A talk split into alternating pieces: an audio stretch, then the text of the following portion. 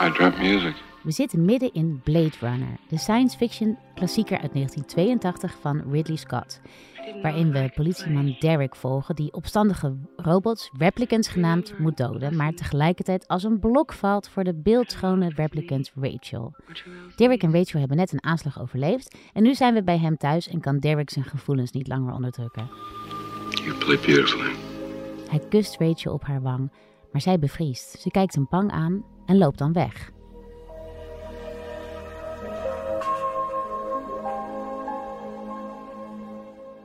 Hij probeert haar nog tegen te houden, maar zij is hem te snel af. Ze heeft haar jas in haar handen en ze snelt naar de deur. Maar Derek die pikt het niet. Hij smijt de deur dicht. Hij kijkt haar indringend aan en duwt haar dan met al zijn kracht tegen de luxe flex van zijn raam. Zij kijkt hem bang aan, ontredderd. En hij gebaart haar dat ze niks mag zeggen. Hij komt dichterbij. En ze snikt nog eventjes. Ze kijkt hem aan, hopeloos, vermoeid. En dan is daar de zoen en de overgave aan zijn brute kracht.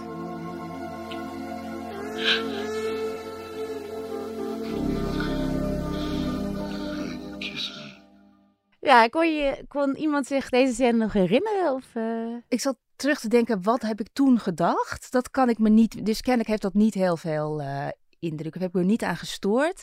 Nu is het, nu ik het zie, is het zo clichématig geworden. Ja, Eh, en, en zeg maar, vooral, vooral de opbouw naar het, het, het heftige en best wel wat gewelddadige eh, moment dat hij de deur dicht, ramt. dicht ja. ramt en haar tegen die luxeflex eh, drukt. Tot dat moment is het bijna grappig. En er Ja. zitten allemaal van die subtiele dingen in daarvoor. Of nou ja, niet zo subtiel, maar hè, ze doet haar haar los. Ja. Dus dat betekent dat ze er wel zin in heeft. Dat is gewoon automatisch wat je dan denkt. Ja, En dat, dat zijn allemaal eh, dingen die dus door de filmgeschiedenis zo in ons hoofd zijn geplant eigenlijk.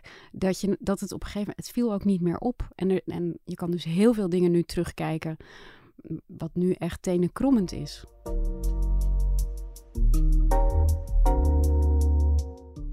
Welkom bij Culturele Bagage, de wekelijkse podcast van de Volkskrant, waarin we je bijpraten over nieuwe series, films, boeken en andere popculturele verschijnselen die het maatschappelijk debat gaan bepalen of jouw blik op de wereld kunnen veranderen.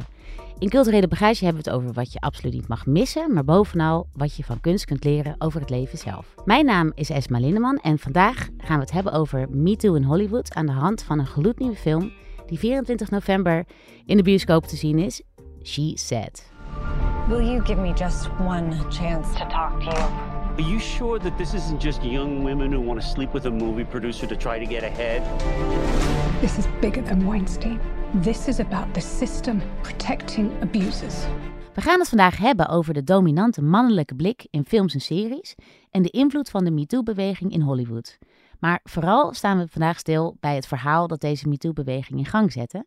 De New York Times-publicatie waaruit bleek dat producent Harvey Weinstein jarenlang actrices en werknemers intimideerde en misbruikte. En dat verhaal is nu verfilmd. En dat doe ik vandaag met Anne van Driel, voormalig correspondent Amerika, en filmredacteur Floortje Smit. Welkom beiden. Ehm, nou, om even te beginnen. ehm She Said gaat over eigenlijk het, het journalistieke verhaal over Harvey Weinstein. Nou, jij, eh, Anne, jij woonde op dat moment in Amerika, in, in New York. Dus neem ons even mee naar het moment waarin dat gebeurde. Wat, wat was toen het politieke landschap? Ja, we hadden toen Trump. Maar Ja. voor jou, jij zei dat dat best belangrijk is om ook te begrijpen Ja, ehm, ja, hoe belangrijk dit stuk is en hoe dat tot stand is gekomen. Nou, het, het, Ja. het, de context waarin dit eh, stuk eh, verscheen is belangrijk, omdat Trump was, is in, eh, geïnaugureerd in januari 2016. sorry. Dus het stuk verscheen nog geen twee jaar binnen zijn presidentschap. En Trump was president geworden ondanks het feit dat ook deze New York Times, zelfs een van de journalisten die Weinstein ontmaskerd heeft, ook grote stuk heeft geschreven over het seksueel grensoverschrijdend gedrag van de toen kandidaat-president. We hebben die tape, kwam toen naar boven, Grab Them by the Pussy. Het was een, de, de commander-in-chief kwam weg met beschuldigingen van aanranding, van verkrachting binnen het huwelijk, van continu misogyne uitspraken. Dat was het Amerika waarin dit stuk landde. Dus, dus iemand kon er met zoveel macht konden mee wegkomen. Eh, we hadden natuurlijk wel daarvoor Fox News gehad, waar Roger Ailes moest vertrekken na beschuldigingen. De beschuldigingen rond Bill Cosby waren toen al, kwamen toen ook op gang. Maar het was wel, het idee was wel, je, het, het was natuurlijk echt heel lastig, wat Floortje net al zei, om je als vrouw uit te spreken. Want dit was, dit was het grote voorbeeld. Het, het zette geen zoden aan de dijk. En tegelijkertijd uh, was het ook in dat presidentschap stond de waarheid onder vuur. Trump heeft van voordat hij president was, maar zeker tijdens zijn presidentschap, eigenlijk alle pijlers uh, in een maatschappij die de waarheid dragen, de wetenschap, de overheidsinstanties, ambtenarij en de journalistiek, New York Times voorop, altijd heel erg bestookt. En Ja. dat had invloed. Er waren veel mensen die die vorm van journalistiek niet meer geloofden. En daarin is dit onderzoek en zeker ook eh, de, de verslaglegging van dit onderzoek in het boek, Ja. wat er daarna kwam, en deze film enorm belangrijk. Want het boek, het begon dus met het boek She Said. Dat kwam uit in 2019. 2019, Ja. ja. En wat is er eh, nou eigenlijk zo ja, ontzettend indrukwekkend aan het boek? Want ik ken veel mensen die het echt als een leidraad zien van hoe je eigenlijk verslag moet doen van, van seksueel geweld en seksueel grensoverschrijdend gedrag. Ja. Eh, hoe, hoe, hoe kwam het boek bij jou terecht en, en nou, wat vond je ervan? Eh, nou, ik ben het gaan lezen omdat ik zelf natuurlijk journalist ben en die zaak had gevolgd. Ik werd ook gevraagd om Jodie Kenter en Megan, eh, Megan te interviewen uh, naar aanleiding van het boek. Waarom het zo indrukwekkend is, is omdat het een, nou, het is eigenlijk een soort handboek journal, uh, journalistiek, onderzoeksjournalistiek. Dus het is voor journalisten is het eigenlijk een must om het te lezen, omdat ze eigenlijk op een hele ja, chirurgisch precieze manier uitleggen wat een enorme tour je moet uithalen om zo'n groot onderzoek op te zetten, te leiden en uiteindelijk tot een goed resultaat te brengen. Um, dat gaat over, ja, het is eigenlijk, het, als je het boek leest, zie je de film al voor je. Het, is, het, het zijn hoe je telefoonnummers in, in, in, in boeken moet opzoeken, echt bijna in bosjes moet gaan liggen om te zien of mensen thuis zijn, ze te overvallen. Uh, ze vliegen de hele wereld over om mensen te spreken. Het gaat ook om de psychologie van hoe overtuig je iemand die er aanvankelijk geen voordeel bij heeft om een verhaal te doen, om dat toch te doen. Dus het gaat ook over ja, mensen overtuigen, moed inspreken, vertrouwen winnen. En het gaat uiteindelijk ook, het boek heet She Said, omdat het natuurlijk altijd in dit soort zaken is geweest. He zijn woord tegen het Ja. zijne, of haar woord tegen het zijne. Uh, waarbij zijn woord dan uh, zwaarder werd gewogen.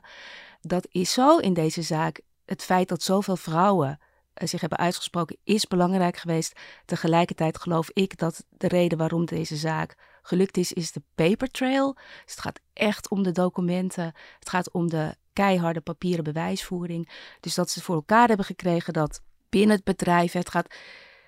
Het is ook indrukwekkend omdat ze hun pijlen niet alleen op Harvey Weinstein richten, maar die hele cultuur van elkaar de hand boven het hoofd houden, jarenlang weten van dit gedrag, dat blijven uh, toedekken, dat ze daar een wig in hebben kunnen steken en dat ze mensen, mannen, hebben kunnen overhalen om die bewijsvoering uh, te leveren. Ja. En zij vertellen hoe, dat, hoe ze dat hebben gedaan. Dat is indrukwekkend. Het, het boek is ook echt heel goed geschreven. Het is zelfs ook voor niet-journalisten een boek om te lezen. Ja, hè? En nu is er dus ook de film, waarvan ik ook denk, ook voor niet-journalisten Ja. heel erg leuk, maar voor journalisten ook wel heel leuk hè, om te zien. En nou, we hebben met z'n allen die film gezien en jij, Floortje, gaat er ook een stuk over schrijven en hebt de acteurs geïnterviewd. Ja, wat, wat, wat viel jij op aan deze film en vooral hoe, ja, eh, zowel het onderzoek als hetgene waar het over gaat, dus het seksuele geweld, hoe dat wordt belicht. Wat, wat viel jij op? Wat ik er interessant aan vond was dat ik het zat te kijken en wat ik niet heb bij andere journalistenfilms en hier wel, was een soort gevoel van catharsis. Omdat dit, je weet namelijk wat de impact is geweest van het verhaal. En het eindigt, dat is geen spoiler denk ik, maar het eindigt op het moment dat zij op cent drukken. Ja. En de impact van het verhaal voel je eigenlijk boven elke scène hangen. Dus alles wat ze doen aan moeite. Het voelt heel erg alsof er inderdaad eindelijk, dit was eindelijk het moment dat dit naar buiten kwam en dat er ook iets mee gebeurde. En dat gevoel ligt heel erg over die film. En als je het hebt over hoe het verbeeld is, wat er ontzettend sterk aan is, vind ik, is dat het blijft voortdurend bij de verhalen van de vrouwen die het is overkomen. Dus je ziet geen seksueel misbruik. Dat is ook een hele bewuste keuze geweest. Je ziet uh, Harvey Weinstein alleen van achter. Maar wat ook gebeurt is dat de enige die het verhaal vertelt, wat hen is overkomen, zijn die vrouwen zelf. Het wordt nooit, er is nooit een journalist die tegen haar chef vertelt: Oh ja, dat en dat en dat is gebeurd. Het is altijd, het verhaal blijft bij degene die het is overkomen. En dat vind ik een hele sterke en, en knappe en goede keuze ook. Ja, en wat vind jij, Anne? Wat was jouw impressie van de film en hoe, wat, hoe bleef je achter ook? Nou, na het kijken. Ik, ik was, uh, ik was uh, eigenlijk verbaasd en overvallen door uh, hoe ontdaan ik ervan was, ja. eigenlijk de afloop. En dat komt denk ik heel erg door wat Floortje zo goed beschrijft. Dat je inderdaad de, continu de impact weer realiseert van wat er toen, wat die journalisten doen, wat die vrouwen hebben bewerkstelligd. En dat het zo'n belangrijk, zo'n belangrijk scharnierpunt in de geschiedenis is mm -hmm. waar je naar kijkt. En dat dat eigenlijk vrij kort op dat moment dus ook al verfilmd is. En ook wel dat je je realiseert dat een artikel in een krant kan impact hebben, een boek kan impact hebben, maar op het moment dat het een film is, dan, dan gaat het nog veel meer impact hebben. Ja. En dat, dat je dat denkt, wauw, hier is een film van gemaakt op deze manier, vond ik ook ontroerend. En had jij ook die catharsis, het gevoel van er is iets goed gegaan Ja. en daar mogen we eigenlijk allemaal ook wel denk heel blij daar- mee zijn? Ja, ik denk dat daar die ontroering en ook wel een beetje dat, ja, ontdaan klinkt dan negatief of zo, maar ja, dat dat daar van, vandaan komt. Ja. ja. Ik Ja. denk trouwens dat het er ook gewoon mee te maken heeft dat het een persoonlijk ding is. Ik bedoel, All the President's Man is natuurlijk een heel mooi, spannend verhaal. Maar dit is iets wat vrouwen persoonlijk raakt. Hmm. Dat dat te zien is geweest. Ja. Of dat dat gebeurd is. En dat dat allemaal zoveel in gang heeft gezet. Dat heeft ook invloed direct op, op jou en, en mijn leven, denk ik. Ja. Ik denk dat dat er ook heel erg mee samenhangt. Absoluut. En wat ik zelf ook heel mooi en indrukwekkend vond aan She Said is eigenlijk dat je helemaal meegaat in die spanning van gaan die vrouwen on the record hun verhaal durven vertellen. En dat raakt eigenlijk heel erg aan alledaagse situaties. Want als je wel eens iets hebt meegemaakt met seksueel grensoverschrijdend gedrag of, of ongepaste intimiteit, dan, ja, dan is dat heel erg moeilijk om dat in de openbaarheid te brengen, om daarover te praten met wie dan ook. Laat staan met een journalist. Eh, dus die, dat, dat zwijgen, wat voortkomt uit schaamte en schuldgevoelens en onzekerheid over van waar gaat het dan vervolgens heen, mijn verhaal, dat hebben deze vrouwen natuurlijk ook allemaal. En dat vond ik zelf heel, heel knap. Eh, dat vond ik hele mooie scènes waarin die vrouwen eh, uiteindelijk dan, nou ja, al dan niet overstag gaan. En dat je ook heel goed begrijpt waarom vrouwen niet hun naam wilden verbinden aan dat stuk. En wat de ongelofelijke consequenties überhaupt Ja. zijn. En dat je ziet hoe lang vrouwen al met dat lot lopen. ja, ja. Zoveel jaren. Dat Ja. een leven totaal. Er, is een, eh, er was een leven voordat het gebeurde. Er is een leven Na. nadat het gebeurde. Dat wordt ook eigenlijk op een hele onnadrukkelijke, maar tegelijkertijd toch ook echt heel erg invoelbaar, invoelbare manier duidelijk in die film. ja, ja. Ja, en er zitten, er zitten dingen in waarvan wij daarvoor, denk ik, allemaal dachten van ja, dat, dat is nou eenmaal zo. Er zit bijvoorbeeld een scène in dat een vrouw vertelt dat zij, als ze dan een ontmoeting had met Harvey Weinstein, dat ze dan twee panties aandeed. Want dan was het lastiger voor hem. En dat je echt denkt, we zaten inderdaad in zo'n wereld dat je in een kroeg staat en iemand je bij je borsten grijpt en je denkt, ja, weet je, dat gebeurt nou eenmaal in een kroeg. Dat- het is absurd. Ja. En ik denk dat dat heel erg, dat dat, dat verhaal en, en deze film nu ook weer duidelijk maakt, is het kantelen in het denken daarover. Ja, en het perspectief van, van de vrouwen. Ja. Dat vond ik ook zo mooi aan het stuk. Want wat dus uiteindelijk verscheen, omdat het, en ook de andere stukken, het ging ook heel erg over de stress die die vrouwen ervoeren als ze eenmaal in die hotelkamer kwamen. En, ze, en het hen duidelijk werd dat er iets anders van ze werd verwacht. Van eh, hoe kom ik hier weer weg eh, zonder al te veel kleerscheuren? Hoe hou ik nog wel het contact met Harvey Weinstein goed? En dat vond ik ook heel herkenbaar. En dat soort perspectieven kwamen eigenlijk, wat mij betreft, pas echt aan het licht door dit stuk en de beweging die erop eh, volgde. Nou, is dit, deze film is een van een aantal films die, die na het Weinstein-schandaal en na de MeToo-beweging eh, eh, in de bioscoop zijn gekomen. Wat is nou de onderscheidende kracht van, van, van deze film en films als The Assistant of Bombshell ten opzichte van films voor 2017? Is er een gemene deler te vinden in, in de films over MeToo die na MeToo zijn verschenen? Of zijn ze ook nog wel heel verschillend? Ze zijn allemaal op hun eigen manier heel verschillend. Je ziet ook eh, de thematiek van MeToo natuurlijk op verschillende manieren terugkomen. Ook in eh, bijvoorbeeld Promising Young Woman. Ja. En dit is echt een journalistenfilm bijvoorbeeld. Als je kijkt naar Bombshell, die ook heel erg dat vrouwelijke perspectief wil laten zien, daar valt nog wel het een en ander op aan te merken aan de manier van verbeelding en de verbeelding van het misbruik. Want even voor de luisteraar, eh Bombshell gaat over... Roger Ailes van, eh, van Fox News. En eh, eigenlijk de manier waarop hij zijn eigen werknemers seksueel intimideerde. En een van de scènes, eigenlijk de scène die, als je het hebt over misbruik, op mij ontzettend veel indruk heeft gemaakt, is, is het moment dat hij eh, Margot Robbie naar zijn kantoor roept. En zij denkt inderdaad ook van, oh, ik ga een gesprek in. We gaan het hebben over mijn carrière. Eh, hij ziet me staan. Eigenlijk vrij snel vraagt hij om eh, dat zij haar rokje een beetje omhoog moet doen. En dan moet het nog iets verder. En, en nog een klein beetje verder. En als ze dan nog, nog iets verder. En als vrouw voelde ik meteen, je voelt gewoon die angst. En dat je weet, je kan geen kant op. Je kan, hè, ehm, als je het niet doet, dan komt je carrière misschien in gevaar. Ehm, En de vernedering kan ik me ook nog de herinneren. vernedering Ja. is heel erg. Maar ik heb daar later naar gekeken door, door een, ehm, een documentaire van Nina Menkes. Die gebruikt die scène als een, eh, als een voorbeeld. Waarin eigenlijk blijkt dat het toch weer dat hele verhaal wordt verteld vanuit mannelijk perspectief. Want je ziet hem. Hij kijkt verlekkerd toe. Zij is nog steeds het object in dit geval. De camera zoomt ook in op dat rokje. Dus als kijker mag je mee in die verlustiging aan dat lichaam. En zij zegt, je kan eigenlijk iets niet aanklagen door het zelf te doen. Dus als jij zegt, we mogen ons niet verlustigen aan die vrouwenlichamen, is het heel vreemd dat je vervolgens zegt, nou, en nu gaan we lekker vijf minuten kijken naar het slipje van Margot Robbie. Dus dat, ehm, daardoor ben ik daar ook weer anders naar gaan kijken. En het is ook weer een voorbeeld van ehm, hoe vrouwen, want dit is een, een film die gemaakt is ook door vrouwen met vrouwelijke producenten. Margot Robbie zelf is, was ook producer. Hoezeer je eigenlijk geïndoctrineerd bent door die mannelijke manier van kijken. En dat je hebt geleerd van dit is hoe we zo'n verhaal vertellen. Dus als vrouwelijke kijker ook. Terwijl je daar eigenlijk best wel je vraagtekens bij kan zetten. En er is sindsdien eigenlijk ook wel een discussie over of je dus seksueel geweld in beeld moet brengen of niet. Ja. Of dat het eigenlijk weer ja, bijdraagt aan de exploitatie van, van vrouwen en de objectivering van vrouwenlichamen.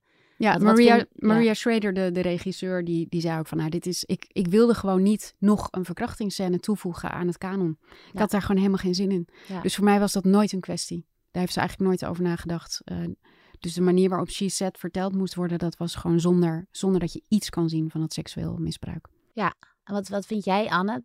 Denk jij dat het beter is om dit niet in beeld te brengen? Of zou het onder bepaalde voorwaarden wel kunnen? Nou, ik, vind in, ik, vind in deze film een hele goede keuze om het niet te doen. Omdat het inderdaad zo sterk is om het perspectief bij die vrouwen te houden. En, ehm, en dat daar dus ook niet aan, niet aan getornd wordt en ook aan die verhalen niet getwijfeld wordt. Het wordt Mhm. journalistiek gewogen, maar verder wordt er niet aan getwijfeld. En ehm, nou, daar is dit een logisch eh, uitvloeisel van. Ja. Dat je dat perspectief, dat je da- daar ook niet van afwijkt dan. Ja, ja. Nee, het is lastig met, met scènes als het gaat over verkrachting bijvoorbeeld. Is dat het vaak bijna erotisch wordt in film. En dat hangt heel erg samen met de manier waarop het gefilmd is. Dus eh, Nina Menkes zegt ook, als je bijvoorbeeld wel een verkrachting, stel je voor dat je het wel wil laten zien, kan je bijvoorbeeld ook camera houden op het gezicht, op het gezicht van de vrouw. Ja. Dat je niet haar lichaam laat zien. Dus je Ja. laat een kijker niet verlustigen aan een, aan een vrouwenlichaam, maar je blijft bij haar gezicht en bij haar ervaring. Ja. Dan is het bijna, denk ik, niet aan te zien. En dat is iets waar ze dan ook weer voor terugschrikken. Want als je het laat zien zoals het is. Hetzelfde geldt natuurlijk voor geweld. Als je dat echt puur laat zien zoals het is, is het afschuwelijk. Ja. Is het niet om te, ja, niet om te bekijken eigenlijk. En jij, jij noemde net al de documentaire Brainwashed. Ja. Sex, Camera, Power, volgens mij. Die draait op het ITVA op dit moment. En hopelijk nog in de bioscopen daarna. Ik heb hem ook gezien. En wat ik ook schokkend vond, was een cijfer wat erin voorkwam. Namelijk dat 94%, als ik het goed heb, van alle vrouwen die in Hollywood werken... te maken hebben gehad met seksueel grensoverschrijdend gedrag. Of seksueel geweld. Eh, en jij schrijft ook veel over die male gaze en over nou ja, eigenlijk eh, mannelijke dominantie in, in Hollywood. Hoe denk jij nou dat die twee zaken zich tot elkaar verhouden? Dus de manier hoe films worden gemaakt en het seksueel grensoverschrijdende gedrag. Nou ja, dat, het is een heel erg eh, diep geworteld mannelijk systeem.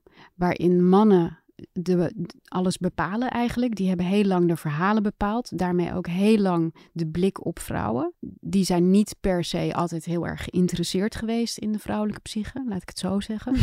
Ehm, dus dan, dan, en dan leer je als vrouwelijke kijker, leer je dat ook allemaal eh, ehm, aan. Die manier van kijken en dat dat de goede manier is. Dus het is heel erg ingewikkeld om dat, eh, om dat te doorbreken. En het hangt natuurlijk heel erg samen. Films, in films worden, zijn vrouwelijke hoofdrolspelers moeten mooi zijn en slank en jong. Dus dat betekent dat je een hele grote groep mooie, slanke, jonge vrouwen hebt die je als zodanig ook gaat beoordelen als Mhm. regisseur, als producent, waardoor je in een soort, ja, je komt in een soort pervers systeem terecht, waarbij inderdaad een soort massa aan jonge, mooie vrouwen is Ja. en een grote groep mannen met macht. Ja, dat, dat is een heel erg ingewikkelde arena, denk ik, om daar uit te komen ook. Precies. Maar goed, je zei dus al, het is een systeem. Eh, het systeem was ook, nou ja, het systeem werd ook aangeklaagd eigenlijk toen Harvey Weinstein eh, eh, voor moest komen. Jij hebt die zitting gevolgd. Ja. Hoe belangrijk was die zaak nou eigenlijk, denk jij, voor de toekomst ook van Hollywood? Die zaak is heel belangrijk geweest, denk ik, omdat. Kijk, er was al eerder bewijs tegen Weinstein. Er is een Italiaanse actrice geweest die op dezelfde manier als heel veel vrouwen vertelde, dacht dat ze een eh business meeting met hem had. Trof hem uiteindelijk in zijn hotelkamer in badjas. Eh, nou ja, het, hele verhaal. Hij greep haar bij de borsten. Zij is de volgende dag teruggegaan met een zendertje naar de politie. Heeft meteen aangifte gedaan. Dat was natuurlijk al heel bijzonder dat zij zo kort daarop aangifte deed. Politie in New York heeft haar met een zendertje teruggestuurd. Dat heeft zij gedurfd. Terug naar de man die haar belaagd heeft. En heeft een bekentenis op band van hem afgedwongen. Hij heeft gezegd: Ja, ik heb jou bij de borsten gegrepen. En hij heeft gezegd: Ik doe dit vaker. Dat bleek niet genoeg op dat moment. Die zaak is door de officier van justitie in New York geseponeerd als niet kansrijk genoeg. Ja. Dat is zijn verhaal. Uh, Vance heette deze officier van justitie, die overigens ook verantwoordelijk is geweest voor het voorbrengen van de zaak, die uiteindelijk tot 23 jaar cel heeft uh, geleid voor Weinstein. Dat deze zaak na deze berichtgeving opnieuw voorkwam, is belangrijk. Uh, eigenlijk zijn de twee gevallen waar het over ging veel minder kansrijk geweest. Het waren, uh, kijk, bij zedenmisdrijven is er bijna nooit uh, forensisch bewijs, was hier ook niet. Deze twee vrouwen gingen pas heel veel later uh, hierover praten, zoals dat zo vaak het geval is bij zedenmisdrijven.